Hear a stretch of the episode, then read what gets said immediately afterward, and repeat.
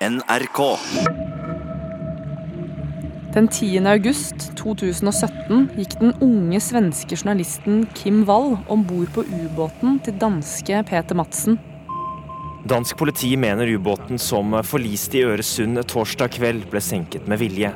Og det vil si, vi, øh, vi øh, har ikke noe, lukket noen muligheter, vi har ikke lagt oss fast. Elleve dager senere ble hennes overkropp skylt i land utenfor København. Dansk politi bekrefter i dag at det er den svenske journalisten Kim Wall som ble funnet død i sjøen utenfor København mandag. Hun hadde blitt torturert og partert. Det er funnet størknet blod fra Wall i ubåten til Peter Madsen, som samsvarer med den døde kroppen, sier dansk politi.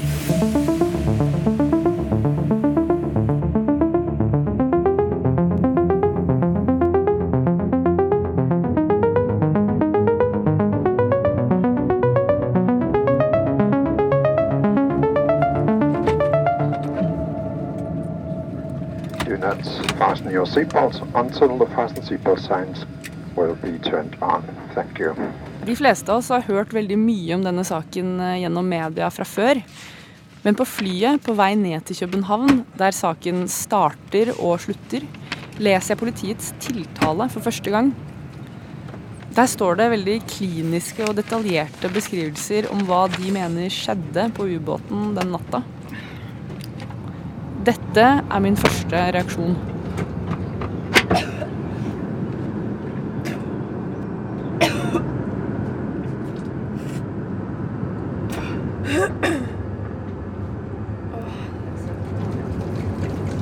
Madsen skal ha hatt med seg en sag, kniv og kvessede skrutrekkere ned ubåten.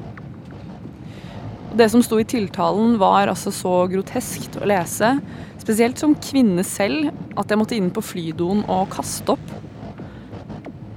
Om det som står i tiltalen faktisk stemmer, har hun blitt stripset fast nede i en ubåt under vann og utsatt for helt umenneskelig seksualisert tortur.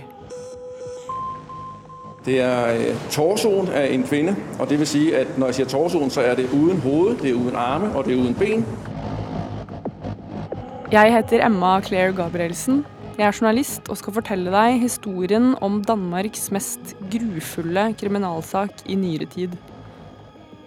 Denne podkastserien lager jeg sammen med krimreporter Sverre Holm Nilsen og NRKs krimkommentator Olav Rønneberg, som har jobbet med krim og drapssaker i årevis. Den 8. mars, på den internasjonale kvinnedagen, starter rettssaken mot Peter Madsen i København byrett. Vi skal følge saken og prøve å få svar. Hva er det som får et menneske til å begå så ondskapsfulle handlinger mot et annet menneske? Hvor kommer den ondskapen fra? Vi skal prøve å fortelle om hvem Kim Wall var, ved å snakke med folk som kjente henne, om hennes liv og arbeid. Vi skal også prøve å finne ut hvem Peter Madsen er, og hva som skjedde da de to gikk om bord i ubåten den natta i fjor sommer. De var sammen på havets dyp før han gikk i land alene 14 timer senere. Den eneste som faktisk vet hva som skjedde, er Peter Madsen. Hvor mye kommer han til å fortelle? Og hva sier de som trodde de kjente han?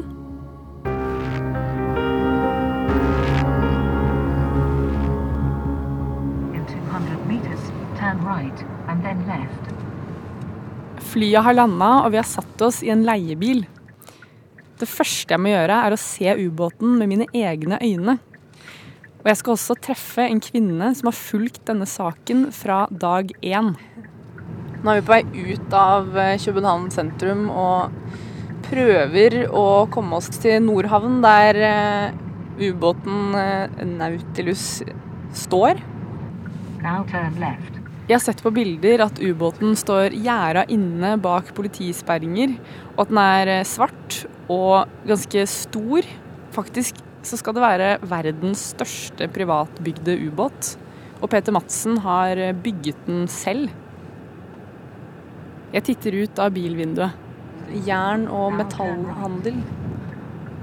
Det er som en sånn stor byggeplass og mange sånne derre gravemaskiner og 100 meters, turn right. Er vi lost? Jeg tror det. Det Vi skal på en måte ned mot vannet. Ifølge det som har kommet fram om saken hittil, skulle Kim Wall skrive om den danske eksentriske oppfinneren Peter Madsen. En fyr som bygde sine egne raketter og ubåter. Hun hadde visstnok prøvd å få kontakt med han lenge, men plutselig, den 10. august i fjor, skal hun ha fått en melding fra han. Det var vel litt nå eller aldri, for hun skulle flytte fra København til Beijing dagen etter. Så hun dro fra sin egen avskjedsfest for å være med ut på tur med ubåten og Peter Madsen. Flere har stilt spørsmål ved hvorfor en ung kvinne setter seg selv i fare på den måten. Altså bli med ut i en ubåt alene med en mann hun ikke kjenner. Sverre og jeg diskuterer i bilen på vei ned til ubåten. Jeg liksom leser på nettet, så driver folk og liksom mistenkeliggjør henne skriver sånn Ja, du ber om det basically når du går om bord på en ubåt uh, sent på kvelden med en fremmed mann, og så har du på deg miniskjørt, liksom. Det er jo klassisk offerklandring. Det er så jævlig provoserende. Som om hun har noe skyld i det som har skjedd. Men så er det også det liksom Da det her intervjuet Altså da det skjedde, da. Petter Madsen var jo en kjent fyr. Altså han var, han var jo på sett og vis en kjendis her. Ja, Hun har jo bare vært på jobb. Hun har vært en frilansjournalist som er, eh, har kommet over en spennende sak og en spennende fyr som hun skulle lage en eh, reportasje om. Og gått om bord i denne ubåten og tenkt at eh, nå kommer jeg til å få noe gull. Jeg skjønner det veldig godt. Jeg hadde gjort det samme selv. Tanken hadde ikke streifet meg engang at det kunne vært farlig å gå om bord i i den ubåten der med en person som er så profilert som han var. Det er som om det nesten gir det en trygghet. At folk eh, kjenner til han, at eh, han er liksom i offentligheten. Ja, for han, Det er jo ikke en fyr som har sittet i et skur i fire år og lagd en ubåt. Altså, han har jo vært i avisene annenhver uke. Og vært en kjent person, en respektert person i Danmark, egentlig. Som de var stolte av. Han er, det her er en fyr uten utdanning som har bygd seg en ubåt og nå skal lage raketter. Oi, oi, der er den! Satan. Det jeg ser foran meg, er en enslig ubåt som er satt opp på en øde plass rett utafor en stor lagerbygning. Det er et ganske stusslig gjerde rundt den beslaglagte ubåten, og et par politisperrebånd som blafrer litt i en eh, veldig sur februarvind. Ubåten foran meg er 17 meter lang og veier 33 tonn. Det er sakens desidert største bevisgjenstand. Sånn som den står her nå, så ser den jo bare veldig fredelig ut. så er det ganske sinnssykt å tenke på hva som har foregått inni den. Jeg titter inn gjennom et av de små vinduene på siden av båten. Det er kjempe, kjempetrangt inni. Du ser liksom så vidt gjennom et sånn liksom skitten En skitten sånn rundt vindu. Første inntrykk, eller første tanke jeg får når jeg ser den, er at det er ganske imponerende at noen har bygd den selv. Det ser jo ikke ut som Jeg vet ikke helt hvordan jeg hadde forestilt meg at en hjemmesnekra ubåt ser ut, men det er noen som har tatt seg inn til ubåten og skrevet en slags beskjed i store blokkbokstaver. Og det står 'Free Madsen uskyldig' på sida. Det er noen som har tagga det, så er det noen som har malt over. Det er her inne politiet mener at Peter Madsen har drept og partert Kim Wall. Uskyldig? Jeg lurer på hvem som har skrevet det. Etter å ha lest tiltalen og sett det stå svart på hvitt hva han skal ha gjort mot henne, er det litt spesielt å se at noen kan mene at han er uskyldig. Ja, det er noe med det. Altså, men så, og det språket som står i tiltalen, gjør det egentlig bare verre. Ja, For det er liksom ikke krydra på noen som helst måte. Det er bare Det at hun er fanget om bord på en ubåt på mange meter unn, altså langt på havets bunn, liksom. med en fremmed gal, gal, gal mann, som åpenbart er liksom Jeg vet ikke om han er psykopat, men han virker som en sadist. Som du hører, ble jeg litt revet med utenfor ubåten her. Jeg vet ingenting om det siste, altså om Madsens syke, og jeg skal prøve å slutte å spekulere i det. I stedet skal jeg treffe hun jeg snakket om tidligere, som har fulgt saken fra første stund. Trine Maria Ilsø. Hun er rettskorrespondent i Danmarks Radio, og jeg møter henne her ved ubåten. Hei! Hei, Emma. Hyggelig. Før vi rekker å si noe mer, klatrer Trine opp på en liten knaus bak ubåten for å se om luka er åpen. Den er ikke åpen, er den det? Skal du prøve å komme deg inn? Nei, jeg går ikke inn. Jeg er gider ikke, jeg ikke, jeg gider ikke blive øh, taget politiet. Hva er det du ser der? det, det er bare fordi, det finnes folk, der har bilde prøv å se her. Hæ? Du, prøv se nede for enden her. Kan du se, der er hul ned. Kan du se det? Vent da, Hvis jeg står oppe her. Ja, vi står på den der. Kan du godt se det første helt, helt Ja, ude enden? der er hul. Der er hul. Det er litt spesielt at ubåten, som jo er bevismateriale, står her så usikra. Og hvis den attpåtil er åpen, slik at man i teorien bare kan klatre inn, Jeg har sett billeder på Instagram, men mange av dem har bare slettet dem igjen. ikke? Folk har posert smilende foran Madsens ubåt og instagrammet bilder av det. En jeg så, av en blond dame i pensko og hodet litt på snei i helfigur foran ubåten, hadde skrevet 'Our next door neighbor, spooky', pluss en anker-emoji og hashtagene 'good morning', 'insane', 'crazy guy' og 'my life, my everyday'. Trine klatrer ned igjen fra knausen. Og når var siste gang denne ble brukt, denne ubåten? Jamen, ubåten ble brukt siste gang, øh, hvor den seilte ut av Københavns Havn den, øh, den 10. august om aftenen, hvor Peter Madsen og Kim Wahl forlod, øh, forlod Rift- Og så ble den jo så senket dagen efter av Peter Madsen. Og så var det jo så politiet og forsvaret, der fikk hevet den, og så ble den faktisk satt herud med det samme. Og det er herude, de har lavet de tekniske undersøkelser av, ubåten. De er lavet herudefra. Hva er det de har funnet inni ubåten? Det, som vi vet de har funnet, det er, at vi vet, er blod, der, de har funnet noen blodspor. Uh, man vet at de har funnet Kim Wahls underbukser og noen strømpebukser. De har funnet trus, altså underbukser og strømpebukser, altså. Ja. Men, og det var hennes blod. Ja. De har et DNA-match mellom hennes blod og så, og så Kim Wahl. Vi kender, i virkeligheten er det kun Kim Wahl og Peter Madsen, der vet hva der er sket ude i den her ubåd. Øh, vi ved, at han har, han har kendt, at det er ham, der har parteret hende. Det gjorde han jo helt i november måned. Indtil da havde han jo nægtet den del også. Og vi ved, at han siger, at der er begået en ulykke. Og så ved vi, at politiet siger, at der er sket alt muligt virkelig forfærdeligt. Og vi ved, at politiet siger, at øh, han har forberedt det, og han har planlagt det, og han har taget en masse ting med ned i ubåden. Han har taget en sav med ned i ubåden. Han har taget en tilspidset skruetrækker. Han har taget strips med. Øhm, mm. Og han har taget metaldel med, så han kunne synke hende ned på bunden bagefter. Det er jo det, politiet siger, men vi kender ikke den anden side. Vi mangler simpelthen at få hans forklaring endnu. Vi mangler å få hans forklaring, sier Trine. Men hva tror hun Madsen kommer til å si når han nå stilles for retten? Tror du han kommer til å legge Men jeg har jo set- bordet og Nej, det tror jeg, det, det ved vi jo ikke. Men øh, jeg har jo set ham i retten før. Hans første forklaring var jo, at han havde sat hende af. Hans forklaring nummer to var, at hun har fået den lue, øh, der er herom på den anden side, har fået den lue i hovedet. Øh, ja. ja. Ja, den har hun fået i hovedet, og så er hun faldet ned i ubåden. Og der har jeg jo set ham stå inde i retten. Han har rejst sig op. Han har stået og vist den her for dommeren. Stået og visualiseret, stået og fortalt. Så stod jeg her, jeg stod op på dækket, og så fik hun den her i hovedet. Det har han jo stået og fortalt hende. Der har han jo sidenhen sagt, at det var ikke sandt. At der har han sidenhen sagt, at, han, at hun kan være død af noget kulilteforgiftning nede i ubåden. Men hvad det er, der er sådan nærmere hans forklaring, det ved vi ikke, fordi efter det, så har han ikke mødt frem til de retsmøder, der har været. Det vil sige, han har... Vi har ikke hørt, hvad den forklaring er. Den mangler vi stadigvæk at høre.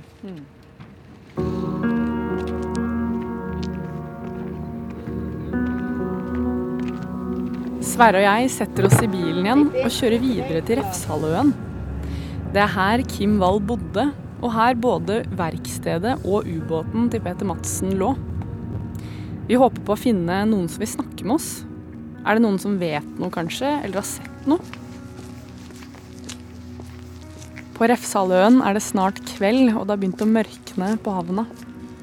Det er en grå, sur dag, så kald at fingrene begynner å fryse idet vi tar opp mobilen for å navigere oss fram blant konteinerne og brakkene. Vi rusler forbi et lite industrielt eh, kunstskip som er hvitmalt med forskjellige installasjoner plassert på dekk. Litt lenger borte, på et eh, slitent jorde, ser vi meterhøye flammer kjempe seg opp av en oljetønne. Og en mann med et sota ansikt og signalgule arbeidsklær som dytter søppel aggressivt ned i bålet med en rake. En klynge av menn, flere med skitne arbeidsklær og fjes, kommer til syne. Hei. Ja.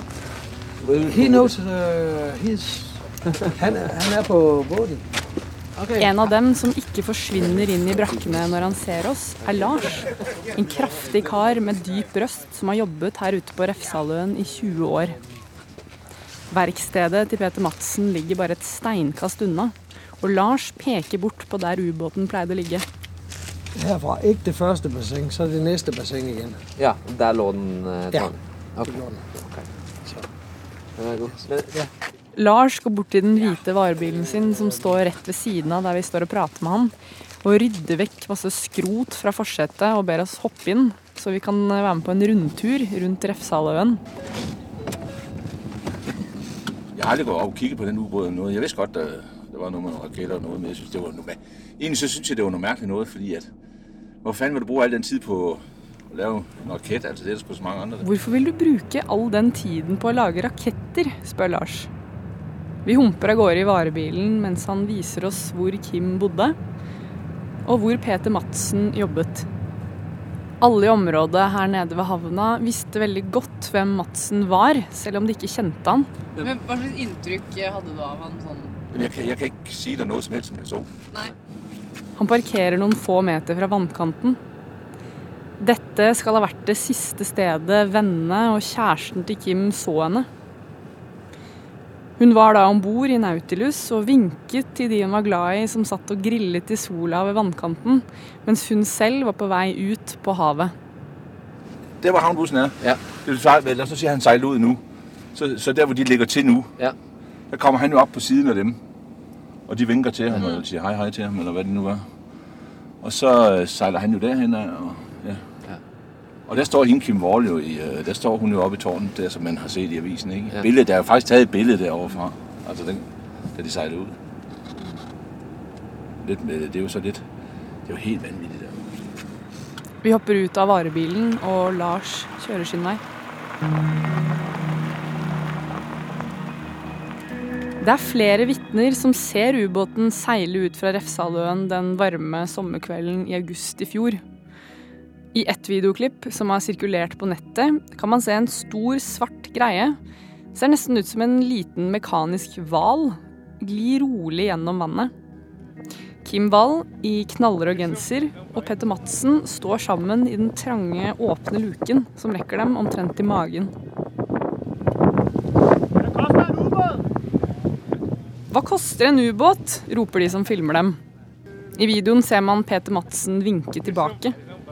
Kim Wall snur seg mot dem som roper, og så glir ubåten ut av bildet.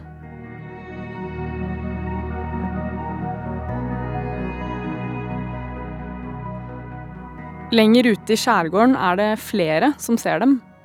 De to guttene vi skal møte nå, er antageligvis blant de aller siste som så Kim Wall i live. Jamen altså, det var jo utrolig ubehageligt. Altså, det var sgu ubehageligt. Men jo, det er da litt surrealistisk at vi det de sidste, der har set hende.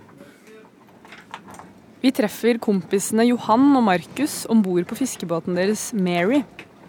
Det er en gammel trebåt med fargerike vimpler festet omkring på dekk, og tomme ølbokser liggende rundt. Den 10. august hadde de leid den ut til en gjeng ungdommer som skulle ut i skjærgården og feste. Markus var kaptein på båten, og Johan var med for å passe på. De husker det som en fantastisk fin kveld. Det er en av de få, få rigtig, rigtig gode sommerdage, vi hadde i Danmark, faktisk. Ja. Det var høy sol, og der var ikke en sky på himmelen. Og det var rigtig varmt, så det endte med, at vi sejlede derud ved en 4-5-tiden. Og øh, ja, vi var i havn igen klokken 9, ikke? Jo, sådan noget. Det var en rigtig, rigtig dejlig dag. Ja. Og det var næsten vindstille også. Ja. Rundt halv åtte-tiden skjer det noe. Guttene får øye på en merkelig svart båt i horisonten. Ja, men vi troede jo, altså da vi så det, så kom der, det- altså det var jo, vi så kun toppen af den, og det er jo sådan en sort skikkelse, der ligesom kom drivende gennem vandet, og der var en, en stor diskussion omkring, hvad det var. Da den så kom lidt nærmere, så var det ret tydeligt, det var en ubåd. For der stod ligesom, det var det der tårn, der stak op af vandet, og der står to mennesker i. Og det var så henholdsvis Peter Madsen og, og, og Kim Wall. Ubåten kom drivende forbi dem, kanskje 30-40 meter unna. Øh, så de kom ret tæt på, de sejlede forbi, og de parerede lidt, altså de parerede lidt. Det var sådan en... Ja, det var sådan lidt... Vinkede og sagde hej hej, og så sejlede de videre, ikke? Johan og Markus tok frem mobilen og tok bilder av det de så. For det er jo ikke hver dag man ser en ubåt. Et av bildene de tok av Kim Wall og Peter Madsen i ubåten, har senere stått på trykk i aviser over hele verden. Vi troede faktisk, at de var kærester jo, fordi de stod jo side om side, og, og hun stod i en rød kjole og stod og vinkede, og de så glade ud, og jeg tænkte, at det tror jeg var sådan en kollektiv tanke, at vi jo alle sammen tænker, hvis man sejler mand og kone i en ubåd, så, eller mand og dame i en ubåd, så kan det være, at det var en fløt eller et eller andet, han havde taget med ud øh, og skulle vise lidt rundt, ikke? De sier at de så glade ut. Men det, jeg tror, det vigtigste er at sige, at, at der ikke, det virkede ikke, som om der var noget fordækt, eller ja. der var noget, som der, De de, så de prøvede ud. at gemme. De så glade ud, og de vinkede, og igen, det er ligesom om, at Peter Madsen, han sådan forklarede hende, sådan ligesom, at han skulle vise hende rundt. Og det passer jo meget godt med, at hvis hun havde været journalist, og han skulle vise hende så ikke, Københavns Havn, eller fortælle om, hvor hans øh, værksted lå, og alle sådan nogle ting, ikke? Når vi er på fiskebåten, kommer det fram noe. Johan og Markus har en film av ubåten som de aldri har vist noen andre enn politiet. Det er trolig den siste videoen som er tatt av Kim Wall. I mobilfilmen er det sol, sommer, ungdommer som fester og bader. Og plutselig dukker en ubåt opp i bakgrunnen. Og der har du ubåtens styretårn oppe av vannet og halvdelen av ubåten. Du den er jo ret lang. Mm. Du kan se, de to de står der ikke med dansk flag der også. Mm. Så er det UC3 på siden. Du kan si det er god stemning på båten. Hva tenker de egentlig om det de så den kvelden, nå som de vet hva som skjedde like etterpå? Lige nu, nu er det jo kommet litt på avstand, men det var jo sindssygt creepy. Det der med, at vi nok er noen av de siste der har sett henne. ikke? Og også det der med, sånn, det er jo bare sånn man kan aldri vite. ikke? Altså, man ser sådan noget, og så lige pludselig så har har han bare gjort noget helt vildt. Altså, det var vildt at tænke på, at, det, at den smukkeste, sidste danske øh, sommeraften bare blev en katastrofe for, for det der. Ikke lenge etter at Johan og Markus ser Kim Wall og Peter Madsen, forsvinner ubåten. I løpet av natten mener politiet at den gjør flere dykk under havoverflaten. Klokken halv tre om morgenen melder Kim Walls kjæreste henne savnet. Nå går alarmen. Gjennom natten pågår det nå en massiv leteaksjon etter ubåten, Peter Madsen og Kim Wall. Morgenen etter våkner Trine Maria Ilsø fra Danmarks Radio opp til nyheten om at ubåten er funnet. I begynnelsen mistenker ingen at det har skjedd noe kriminelt. Vi vet jo, at den var eh, savnet om morgenen. Eh, vi vet der var en kjempeettersøkning i gang med helikopter, med private, der var ude og lede efter den her ubåd. Der var også rigtig mange af Peter Massens venner, som satte sig i private både og bare begyndte at lede. Også omkring øh, nærliggende havne øh, var der jo mange privatpersoner, der sejlede ud, fordi man ville gerne være behjælpelig, hvis man kunne finde den her forsvundne ubåd.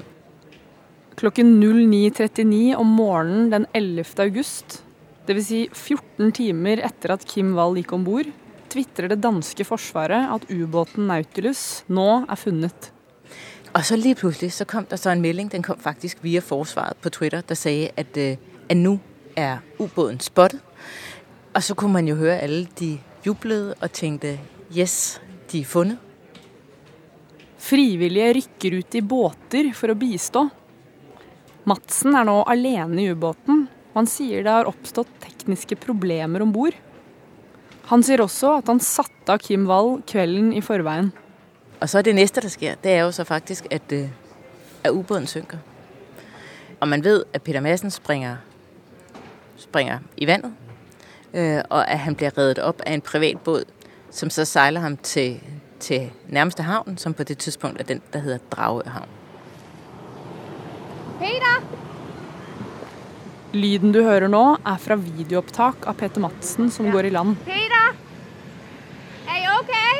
Han har på seg en militærgrønn heldress og militærstøvler.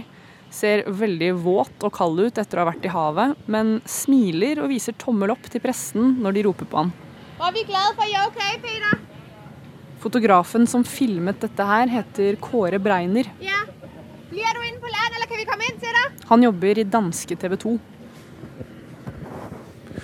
Jeg er på arbejde den dag, øh, sådan helt normalt, og dagens store historie er, at øh, øh, Peter Madsen og hans ubåd er væk, øh, og at øh, der var en svensk journalist med, som, øh, som de er en, muligvis to på den, og ingen ved, hvor de er.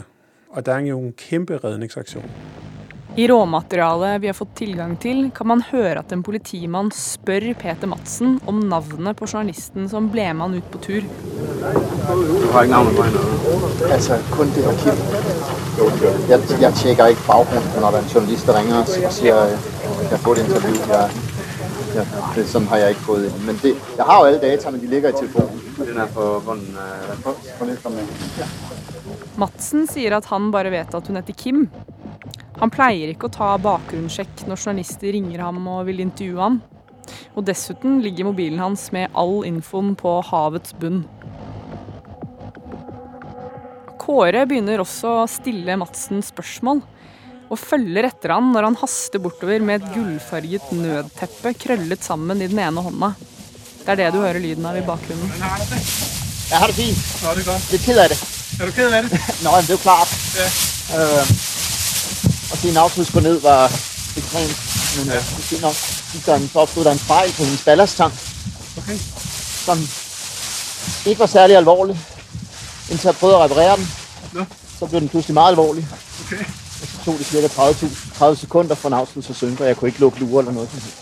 På dette tidspunktet er ikke Madsen mistenkt for noe kriminelt. Det betyr at Kåre blir den siste personen som snakker med Madsen som fri mann, før han pågripes av politiet litt senere. Han forklarede først, hvordan han hadde det. Han, han sa at uh, han syntes, at det hadde vært en meget ekstrem opplevelse, hvilket jeg undret meg over. Og sidenhen forklarede han så, at øh, han hadde noen problemer med ballasttankene, øh, som han trodde først var små, og så viser det seg så siden, at de var meget større, og, og plutselig går den ned, øh, sier han. Kåre husker at han reagerer på måten Madsen snakker om hendelsen på. At de siste timene har vært ekstreme. Det eneste jeg undrer meg over i den samtalen, det er at han bruker ordet ekstremt om opplevelsen.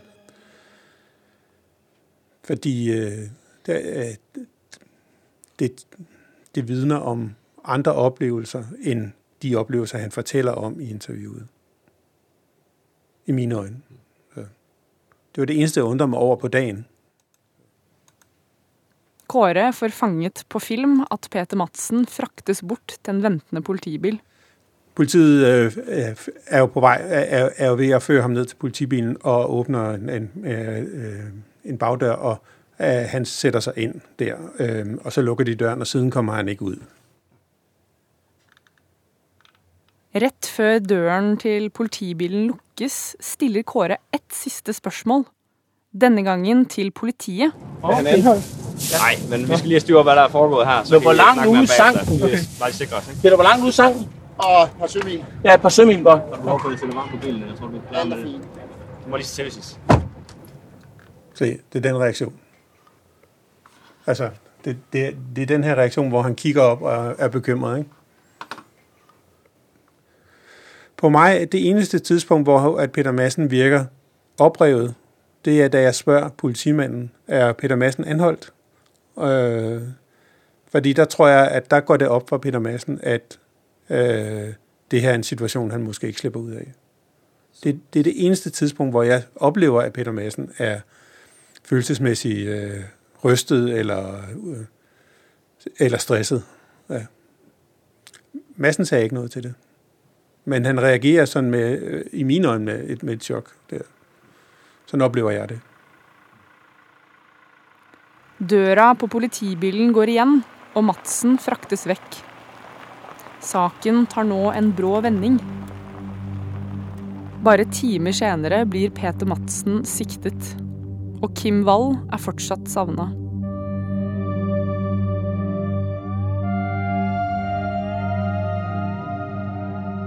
Siktelsen mot den kjente danske oppfinneren skapte sjokkbølger, forteller Trine Maria Ilsø, krimkommentator i Danmarks Radio. Altså jeg kan selv huske, jeg stod med min telefon, og jeg skulle stå og lave en live om noe helt annet, og tenkte bare, holy shit. Han bliver jo kørt med til, til politistasjonen, hvor han blir afhørt. Og øh, der mener politiet jo ikke, at han giver den forklaring, øh, som de synes, han skal have. Han, så de sigter ham faktisk. Jeg tror, klokken er 14.33. Øh, der bliver han sigtet for drabsforsøg. Øh, så bliver han kørt ud til det, der hedder Retsteknisk Institut. Det er derude, hvor de øh, laver skrab under hans negle. Øh, de undersøger hans tøj.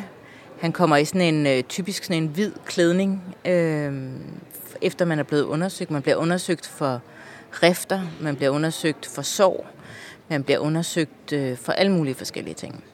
Øh, og så melder man det ud til offentligheden øh, 17.45, kvart i 6 om aftenen, fredag aften. Der melder man ud, der melder politiet ud, at han er blevet anholdt, og han nu er blevet sigtet for drab. Den første forklaringen til Madsen er at Kim Wall ble satt i land på Refsaløen. Ingen har sett noe til henne siden den 10. august. Den 21. august tar saken en ny dramatisk vending. En syklist gjør en grufull oppdagelse i vannkanten sør for København. Drapssjef Jens Møller møter pressen på kvelden den 21. august. Det er øh, torsoen av en kvinne. og det vil si at når jeg sier torsoen, så er det uden hoved, det er uden arme, og det er uden ben. Jeg, tror, jeg kan tale for alle journalister, når jeg siger, at det løb simpelthen koldt ned af ryggen, da drabschef Jens Møller sagde, vi har fundet en torso, det vil sige, at den mangler hoved, arme og ben. I løpet av de neste ukene og dagene lukter spesialtrente svenske likhunder seg fram til hvor levningene lå i vannet rundt København. Først i oktober finner dykkerne bena og hodet til Kim. I slutten av november finner de armene. Underveis blir Madsen presset og presset og presset av politiet, og endrer forklaring flere ganger. Den siste forklaringen er at han parterte liket av Kim Wall etter det hadde skjedd en ulykke om bord. Politiet mener Madsen planla å drepe Kim Wall om bord på Nautilus. Politiet mener også at Kim ble utsatt for seksualisert vold, og at hun ble drept enten ved å få kuttet strupen eller ved kvelning, og har blitt partert før likdelene blir dumpet og senket i sjøen. Madsen nekter for drap, men erkjenner parteringen.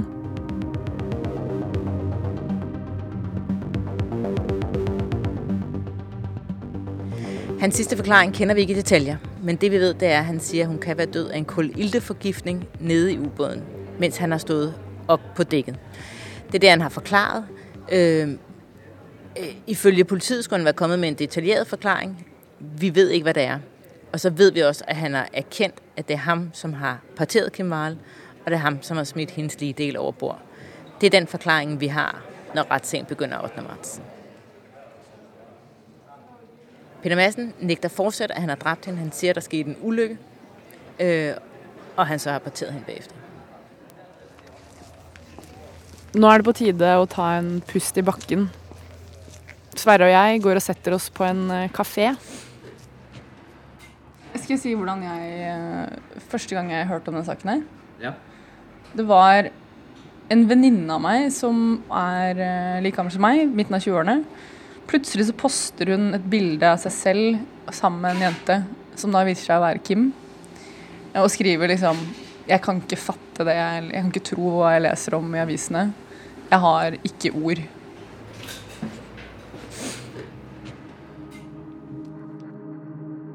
I neste episode skal jeg snakke med noen av dem som kjente Kim Wall.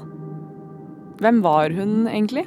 Hon opp alle allting som var udda, eh, allting som stod ut och allting som var eh, som, som många kanske skulle bara stryka bort som konstigt eller, eller udda.